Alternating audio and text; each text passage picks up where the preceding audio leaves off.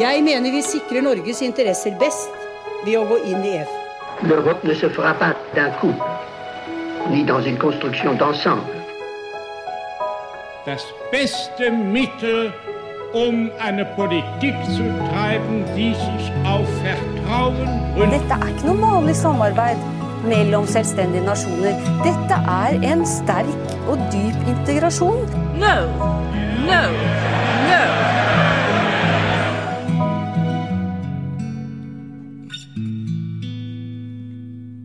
Velkommen til episode tolv av Det europeiske kvarter, en podkast om europeisk politikk og historie av Lise Rye og meg, Kristine Graneng, ved europastudier på NTNU. Det er jo ikke bare i Norge det er valg i høst, det er det også i Tyskland. Og som både Tysklands entusiast og europaviter, så går det ikke an å la sjansen gå fra seg til å snakke om det tyske valget i Det europeiske kvarter heller. For den 26. september så går det føderale valget i Tyskland av stabelen. Og det skal velges medlemmer til forbundsdagen, og også en ny forbundskansler etter hele 16 år med Angela Merkel. Vi spiller inn denne episoden før selve valgdagen, og derfor kan vi ikke si så mye om resultatet. Men det vi skal prate om i denne episoden, er Tysklands rolle i EU, og også EU sin rolle i Tyskland. Og I studiet i dag så har vi også fått med oss en kollega, Tobias Etzold, som er førstelektor i europastudier og også kommer fra Tyskland. Det er kanskje litt dumt å spørre en tysker om hvorfor vi bør følge med på hva som skjer i Tyskland, men hvis jeg omformulerer meg litt, Tobias, hvorfor er Tyskland så viktig for Europa? Um, det er mye viktig, for at Tyskland er største land i Europa. Det ligger sentralt i Europa. Og uh, Tyskland har alltid hatt i historien en stor innflytelse på europeisk uh, historie, på europeisk utvikling, og framfor alt også på europeisk uh, integrasjon. Så Tyskland er viktig for Europa, men også omsidig, som du har sagt tidligere. EU europeisk integrasjon er viktig for Tyskland.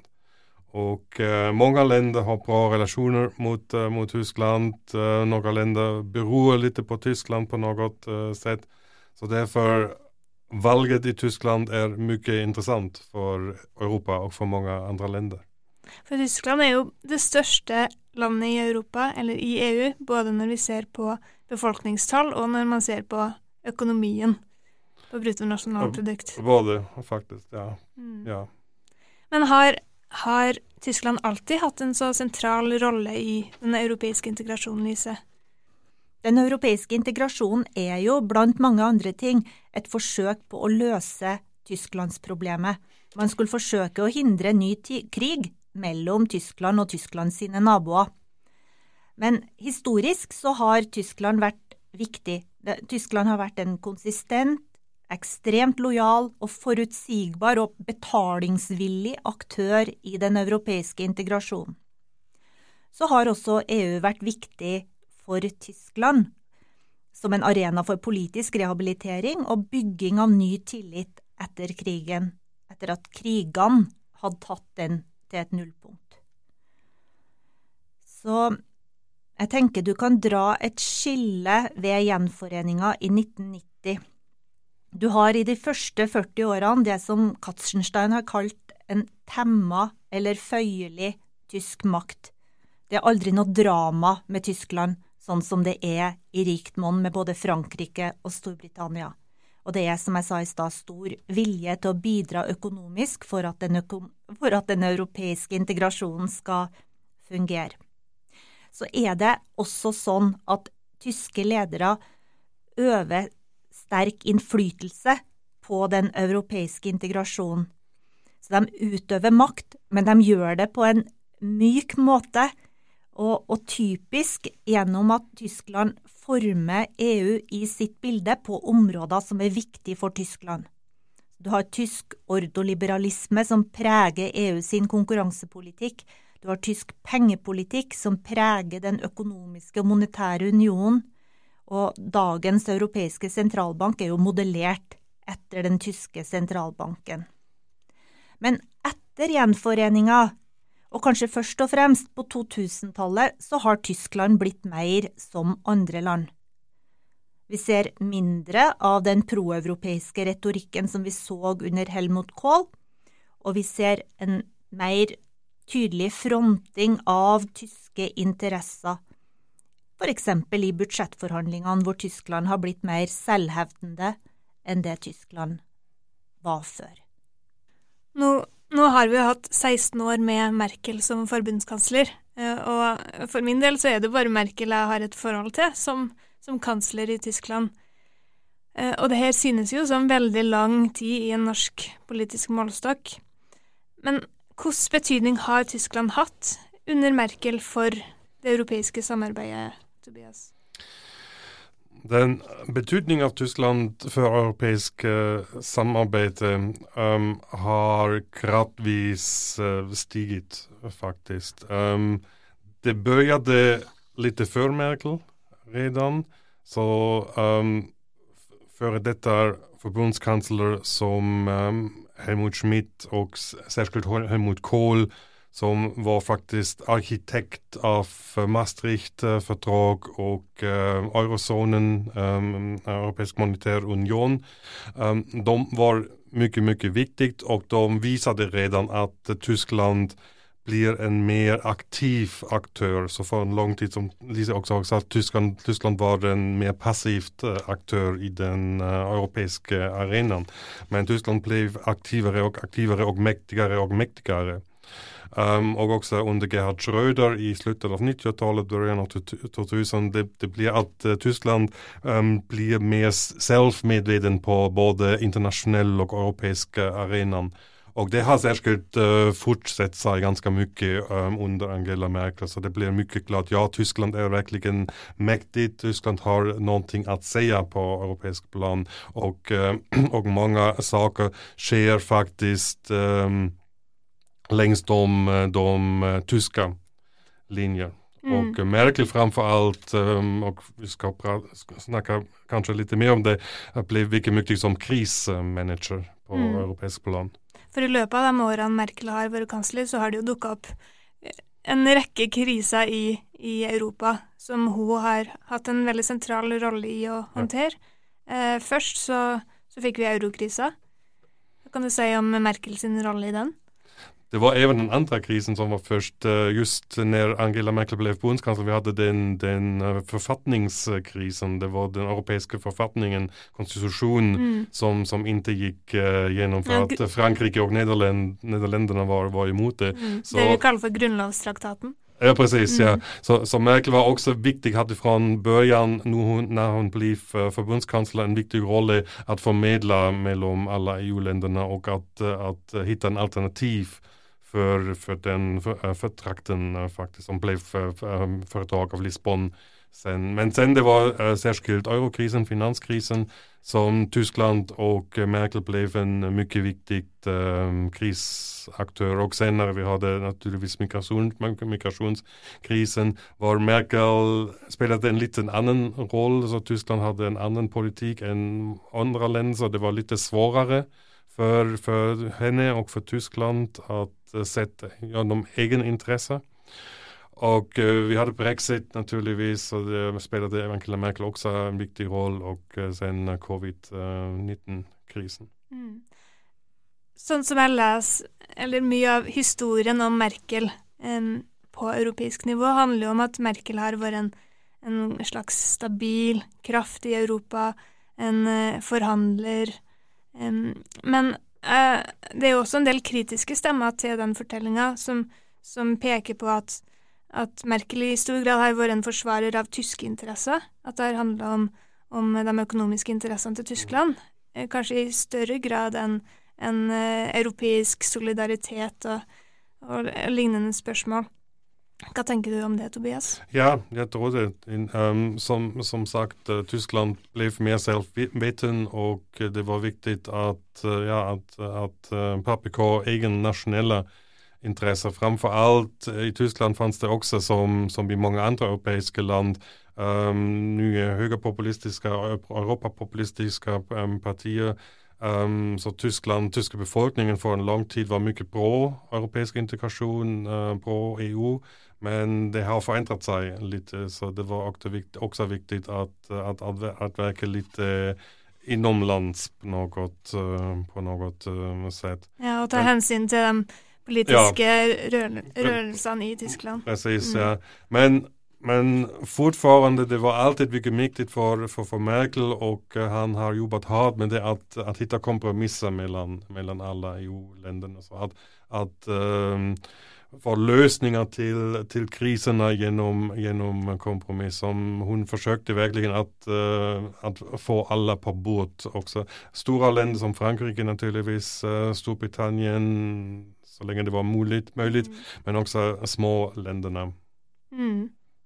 Vi har jo også snakka litt om det tidligere i denne podkasten, om, om spørsmålet om demokratisk tilbakegang og, og rettsstatsprinsippet i Europa.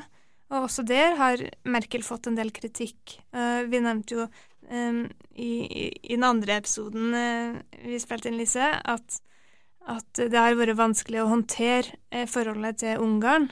Nettopp fordi Tyskland har sterke interesser, økonomiske interesser i Ungarn. Um, Ja, absolut. Eh, det det är naturligtvis, det har, det har mycket, varit mycket svårt för, för, för, för Tyskland, tysk politik och, um, och Angela Merkel för att ja, de tyckte Ungarn är en, en viktig partner. Um, Orbans parti är en, en del av den kristdemokratiska konservativa partifamiljen i, i EU och man visste inte riktigt vad man ska göra med, med, med, med, med partiet. Um, så ja, det var, det var mycket svårt för, för, för, för, för Merkel att, att ha en, um, ja, en linje der. Hvis vi beveger oss litt mer inn i dagens situasjon, da, i dagens eh, valgkamp ja. i Tyskland um, Jeg hører litt på en annen podkast som heter Europapodden, som Sveriges Radio har, som er, har veldig mm. god dekning av den tyske valgkampen, syns jeg. Og de hadde en kommentar om at europapolitikken er mye mer fremtredende i den tyske valgkampen enn i den svenske. Og nå har vi også prata en del om den norske valgkampen og europapolitikken der. Eh, og, og våre standpunkt er jo på en måte at vi skulle ønske at det var en litt bredere debatt.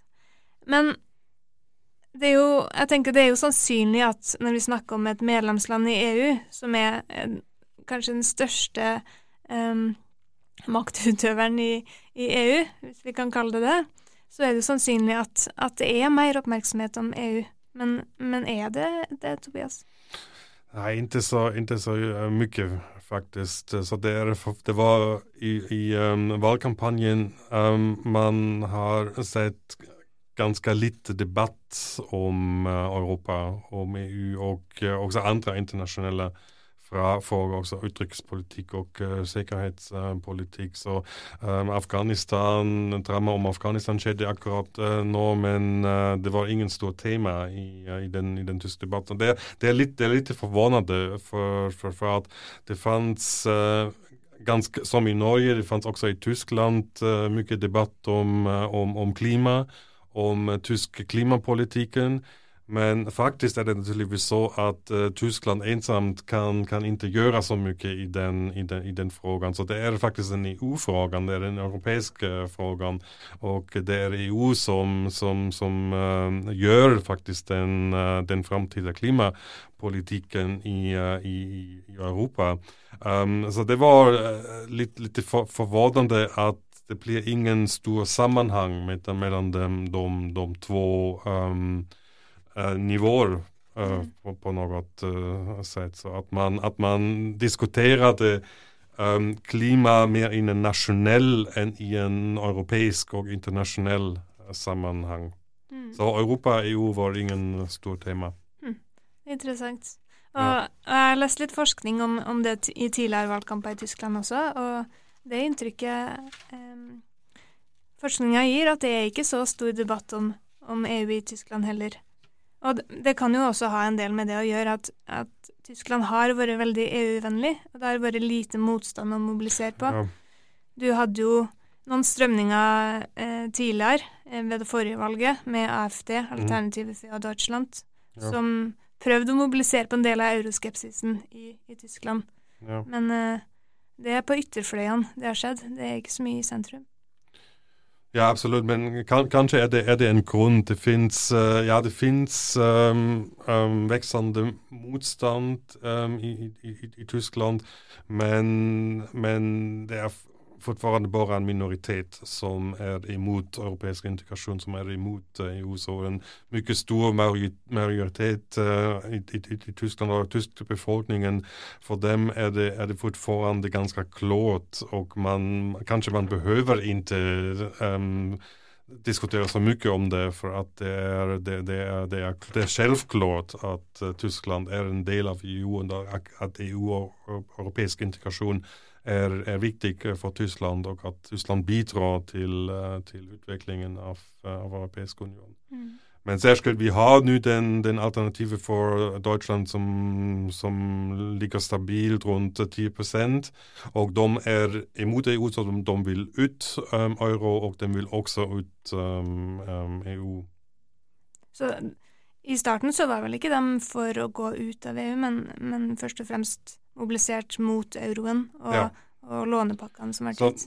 Precis som uh, AFD begynte som en, som en anti-euro-parti. Uh, det var det begynte med en professorsparti, men, men, men senere ble det mer populistisk, og uh, framfor alt den viktigste emnet for dem er antimigrasjon. Mm.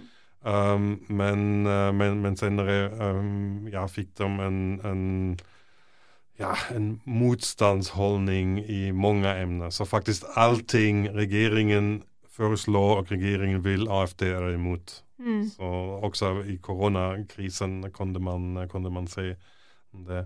Men det er, som, som du sier, det, det er litt um, uvanlig på noen sett at uh, eh, AFD er også um, mye starkt og fortfarande at Tyskland skal ut gå ut EU för att många andra högerpopulistiska partier i, i uh, Europa som också vill ut EU, de är lite mer uh, försiktigt uh, nu efter Brexit för att de har sett hur svårt det faktiskt er at gå, at, at går ut.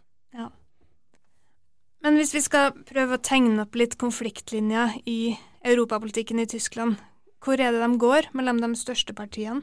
Hvilke saker er man uenig om? Det fins um, mellom de, de største partiene og den såkalte demokratiske partiene i, i tyske forbundsdagen, så både på høyre- og venstresiden, det fins faktisk fortfarande en stor konsensus om Europa. Um, som de, de er enige at EU, att europeisk integrasjon er mye viktig for, for, for, Tyskland og tvärtom også. Um, det finnes kanskje skillnader i detaljfrågorna og um, som sagt, ja, det finnes ingen mye debatt, men naturligvis alle partiene har skrevet no noe i deres hva heter det, valprogram, valgprogram mm. um, precis. Uh, man, man, man kan se at Kristdemokraterna och konservativen de har en, en, en stark fokus på ekonomiska frågor. De har en stark uh, fokus på, på uh, säkerhet av uh, yttre av migration, asylfrågorna, frågorna, att, att systemet blir reformerat, att det blir strängare. Um, Socialdemokraterna og Grønne har en sterkere fokus på sosialfrågor, en sosial union de vil ha og klimatfrågor framfor alt. Og man kan også se at Merkel har vært en, en hade haft en sterk rolle som krismanager men hon har gjort inte så mycket att vidareutveckla EU. Så hon var mycket försiktig um, om reform av EU och, och, och, och företag. Och uh, framförallt uh, gröna de, de vill ha en mer formerande roll av, av, av Tyskland. Att EU också blir reformerat på noe sett. Sånn som situasjonen ser ut nå, så ser det ut som om man får en ny regjering i Tyskland som enten springer ut av Sosialdemokratene eller CDU, Kristdemokratene. Og en sak som jeg har merka meg i løpet av valgkampen, det er jo der spørsmålet om hvor stor grad um, man skal ha en felles økonomisk politikk i EU, eh, på den måten at man skal ha mulighet til å gi lånepakker til land som sliter, f.eks., sånn som har blitt gjort i løpet av, av pandemien nå. Og det, det, er jo en sak eh, der CDU og, og SPD skiller lag, ikke sant? Ja, ja det, det stemmer. Um, SPD er mer åpen for en, for en såkalt uh, union av, av skuldrene, så at skuldrene de länderna har, att, att det blir um, fällesskulden av den, av, den, av den hela EU. Och um, Kristdemokraterna var länge emot med, med den um, hjälpefonden, um, Corona-hjälpefonden, de har um, backat lite från, från, den, från den hållningen. Men uh, fortfarande, ja, de, de, de, det är en, det är en uh, uh, en spesiell situasjon med, med, med korona, om, og de, de, vil ikke ha det på en, på en lang sett. Og mm. også liberaldemokratene, de, FTP, de er imot en såkalt uh, skuldenunion. Mm. En annen sak som jeg har merka meg, det er jo utenriks- og forsvarspolitikken. Der det også er ganske tydelige forskjeller mellom partiene. Um, I spørsmålet om i hvor stor grad EU skal utvikle en egen forsvarsstyrke. Jeg vet ikke om det finnes, om det finnes store skillnader um, der. Um, det finnes en skillnad at uh, SPD, Sosialdemokratene, Grønne partiet og uh, også Liberaldemokraterna um, vil, um, vil, vil, ha en um, Hva skal man si det? majoritetvotering uh, i EUs utrikes- og sikkerhetspolitiske um, frågor. Til, uh, til nu man, man måste ha unanimitet. Mm, alla, konsensus. Konsensus um, mellom alle statene. Og uh, de partiene, og jeg tror CDU er imot det, um, men de vil at EU skal ha mer handlingsrom i de um, um, frågorna også. Men overalt tror jeg det finnes ikke så store skillnader mellom partiene. Den. Kanskje, kanskje det linke parti de, de, de, vil ha ingenting å gjøre med militærfrågor og sikkerhet. De vil, de vil faktisk ut uh, Nato. Ja. Faktisk. Men det er den eneste partiet. Det, men det kan, det kan virkelig bli en stor stor um, grunn at ikke få en så, såkalt rød-rød-grønn regjering. Um, for at uh, En regjering som, som, inkluderer De Linke? Presis. precis. For at uh, Sosialdemokraterna og uh, Grønne har gjort det mye, mye klart at uh, Nato-medlemskap og Nato i totalt er ikke forhandelbart uh, for dem. Mm. Det her er kanskje et resultat av at jeg først og fremst forholder meg til internasjonale nyhetskilder når jeg leser om det tyske valget, men jeg ser mange kommentere koblinga til Frankrike og det franske valget, og for ikke så lenge siden, i starten av september, så var to av kanslerkandidatene, CDU sin kanslerkandidat Armin Laschet og SPD sin kandidat eh, Olaf Scholz, eh, de var på besøk i Paris. Mm -hmm i begynnelsen av september, så altså bare en måned, en, en knapp måned før valget, og hadde møter med den franske presidenten Macron. Og det er jo Jeg tenker at det her hadde jo vært ganske utenkelig i en norsk valgkamp, at, at statsministerkandidatene for utenlands eh, i, i den korte valgkampen. Hva tenker du, Lise? Det tenker jeg du har rett i. Og så tenker jeg at um, den europapolitiske interessen mellom de norske statsministerkandidatene var vel litt ujevnt fordelt i denne runden, men, men ja. Um, men jeg syns ikke det er så rart at de tyske kanslerkandidatene gjør det. For forholdet Det sier jo litt om hvordan de veier forholdet til Frankrike, og hvor betydningsfullt de anser det forholdet for å være. Og jeg vil jo tilbake til historia, men hvis vi ser historisk på det, så er jo det fransk-tyske forholdet mye av en motor i den europeiske integrasjonen. Det starta, som vi var inne på, med et forslag om fransk-tysk samarbeid, og det er det fransk-tyske samarbeidet som veldig ofte har drevet den europeiske integrasjonen fremover, og forma den. Så Adenauer, for eksempel den første tyske kansleren, eh, i den nye forbundsrepublikken, og Charles de Gaulle, som var fransk president, de hadde jo et helt utmerket samarbeid. Og de underskrev òg en vennskapsavtale mellom Frankrike og Tyskland i 1963.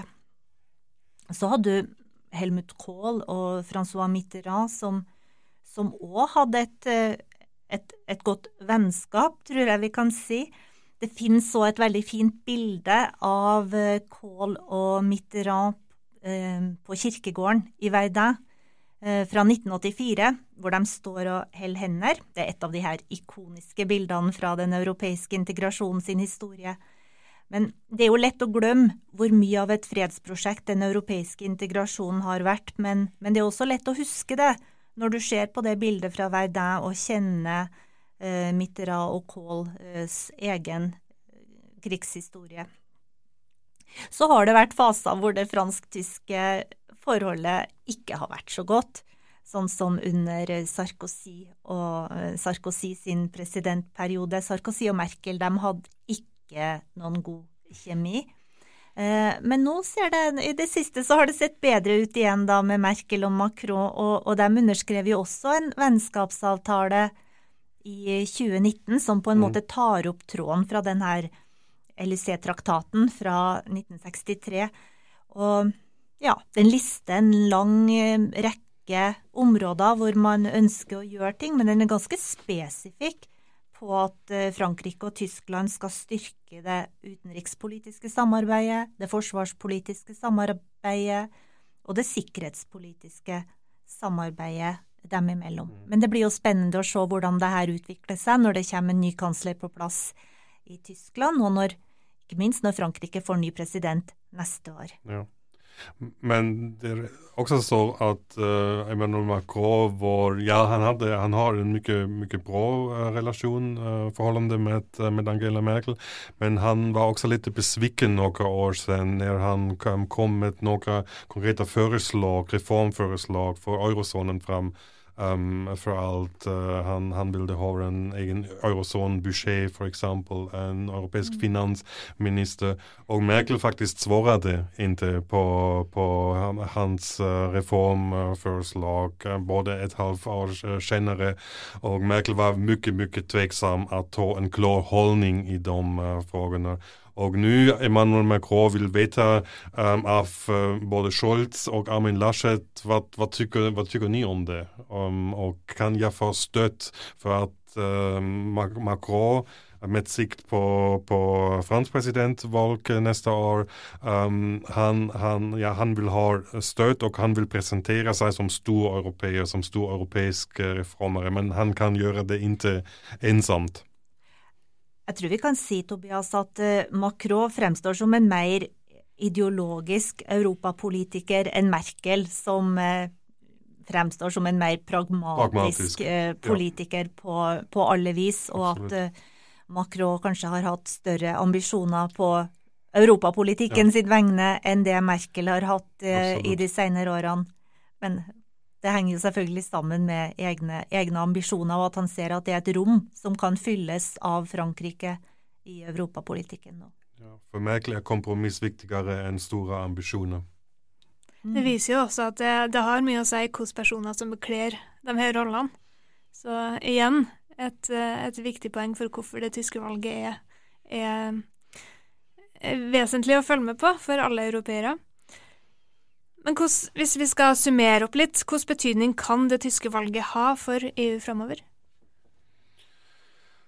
For EU jeg tror det er viktig at Tyskland skal få snart en stabil regjering. Man er litt redd at det tar mye, mye tid. Uh, um, for fire år siden det tok nesten, nei, det tok et halvt år faktisk at Tyskland hadde egentlig en, en regjering. Og det var naturligvis ikke så bra for, for, for EU. og Det, det, er, det er viktige saker. Man, man, måste, man måste beslutte som, som snart som mulig. I, i, sammenheng av um, The Green Deal til, til eksempel. Så det er viktig at uh, Tyskland har snart en, en stabilt uh, regjering, og at uh, Tyskland har en pålitelig regjering også. At man, at man kan virkelig pålite på tysk um, støtt og også ideer på noe sett. Så det er jeg tror, viktigst for, den, for de fleste EU-partnere. Men når det gjelder regjeringssammensetninga, så har det kanskje ikke så stor betydning?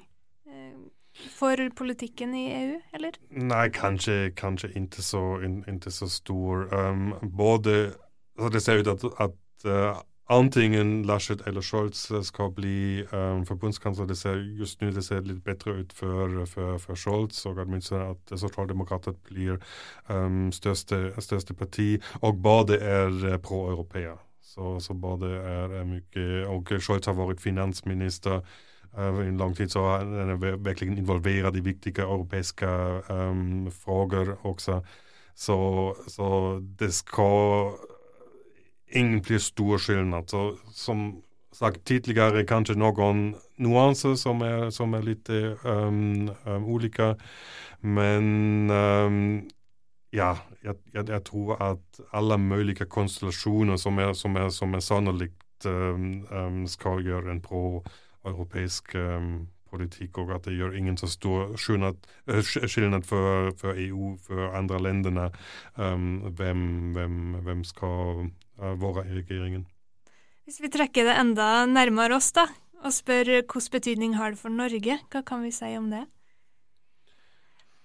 Nei, vi snakka jo litt om det i en annen sammenheng i går. Da hadde vi besøk av eh, Ket Hansen Bundt fra Den norske atlanterhavskomité, og hun pekte jo på at eh, ja, at Merkel har hatt gode eh, relasjoner både til sosialdemokratiske og konservative eh, norske Eh, statsministre, og hun pekte på at norske konservative politikere har gode kontakter til tyske politikere fra den andre sida. Så jeg veit ikke, Tobias. Kanskje, kanskje, spiller det ikke veldig stor rolle at det, det norsk-tyske forholdet er ganske At du har liksom, ganske gode relasjoner litt sånn på ja. kryss og tvers av partigrensene? Ja, det spiller ingen så, så stor rolle lenger. Kanskje det, det, det, gjorde det tidligere, men man er mye pragmatisk på, på, både, på både sider. Og det finnes um, på forholdene mellom, mellom alle, alle, partiene. Det finnes kanskje tettere um, institusjonelle relationer mellom den tyske og den norske socialdemokraterna som har mye å gjøre med historien, med Willy Brandt framförallt. framfor alt. Det finnes Willy Brandt, uh, norsk-tyske Willy Brandt-stiftelsen till, til, exempel. Så, og socialdemokraterna de, de kjenner hverandre mye bra, så jeg tror at, att Scholz og uh, Jonas Gahr Støre at, att de skal lika varandra. Men jeg tror at uh, Gahr Støre kan, skal også um, samarbeidet på med, uh, med, med, med Armin, Armin, Armin, Laschet. Så jeg tror Norge er mye pragmatisk, for at Tyskland er en mye, mye viktig partner. Um, naturligvis er for at uh, um, Norge er så mye mindre enn Tyskland. Det er ikke samme sak. Tvert om, så Norge er for Tyskland en partner som mange. Men uh, fortfarande også fra en, en tysk perspektiv på grunn av energi, gas, uh, olje, men også um, vattenkraft osv. så, och så. Um, Norge har blivit også en uh, viktigere partner i den, i den, i den siste år og jeg tror det finnes intressen på både sidene at uh, verkligen fortsette med det. Men samtidig kan det jo bli interessant da, hvis europapolitikken får stor plass på norsk side, for det går jo noen interessante skiller mellom de tre mest sannsynlige eh, regjeringspartnerne, ja. både når det gjelder den her eh, gasseksporten og når det gjelder europapolitikken eh, som helhet. Så det blir veldig spennende å se, tenker jeg, hvor stor plass europapolitikken får i en rød-grønn regjering. Eh, det kan fort være at den ikke får så stor plass. Mm. Men det er også en del saker som ligger, ligger latent, som, mm. Eh, som, kan blusse opp, og, og, der forholdet til Tyskland blir ekstra viktig. Og så tenker jeg også at innenrikspolitisk så er det jo viktig hva som skjer i Tyskland for oss òg. Det handler om, om energisituasjonen, det handler om eh, at økonomien i Tyskland går ja, godt. Automobilindustri som er også viktig for Europa. Ja. ja. ja. Så Tyskland Det tyske valget er viktig. Ja. Eh, det Vi vet jo nå, når episodene kommer, hvordan det har, har, gått med selve valget, men det blir også spennende å følge med på regjeringsforhandlingene i Tyskland framover. Takk for at du kom eh, og prata med oss, Tobias. Ja, tusen takk.